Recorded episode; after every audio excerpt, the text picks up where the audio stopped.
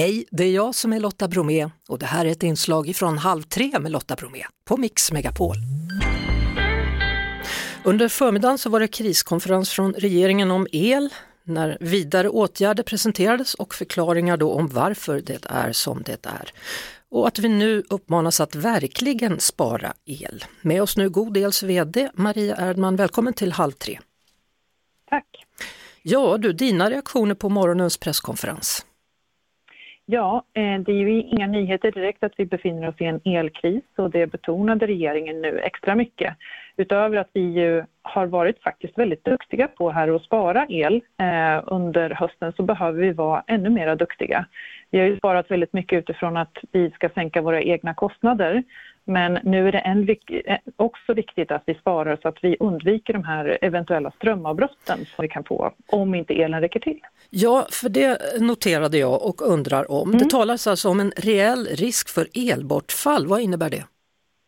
Ja, elbortfall eh, det är ett fint ord för, för strömavbrott. Eh, men det är ett avbrott där man med ganska kort varsel behöver gå in och i vissa delar av nätet stänga ner elen för att den inte räcker till.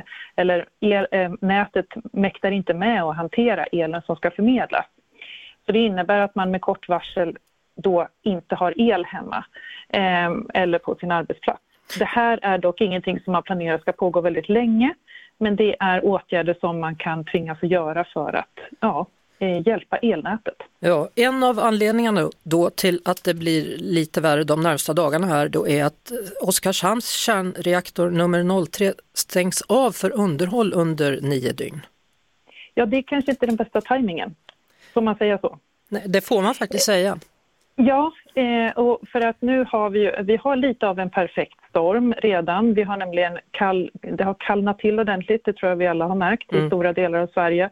Det blåser ju eh, väldigt, väldigt lite och framförallt så kommer det väldigt lite nederbörd och det gör ju att vi egentligen faktiskt blir väldigt beroende av kärnkraften. Eh, eftersom vind och vattenkraften annars liksom skulle kunna möta upp ganska bra där. Mm, mm. Uh, och, eh, och sen har vi... Ja. Nej, säg du.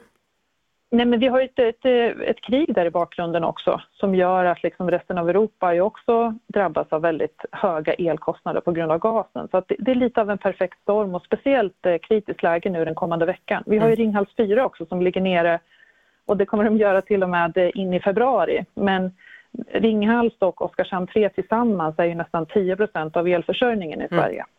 Och imorgon så väntas då elprisrekord över hela landet och framförallt i den södra delen men också i Västra Götaland och Stockholmsregionen. Vad är dina bästa mm. råd för att spara el nu då?